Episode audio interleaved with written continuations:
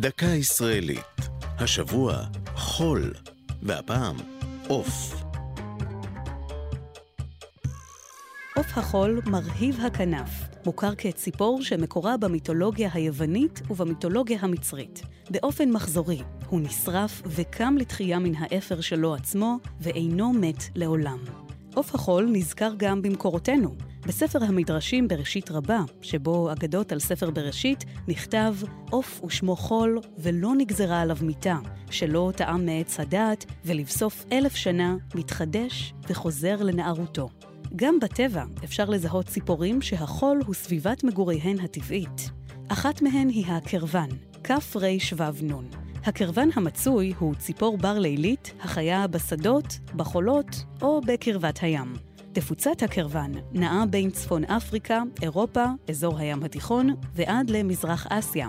העוף מיטיב לרוץ ברגליו הגבוהות. הוא מסווה את עצמו באמצעות צבע נוצותיו, התואם לצבע החול, ואף עיניו ומקורו צהובים.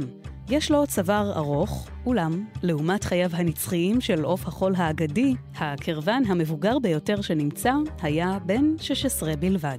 זו הייתה דקה ישראלית על חול ועוף. כתבה נועם גולדברג, ייעוץ הפרופסור יוסי לשם, הפיקה ענבל וסלי.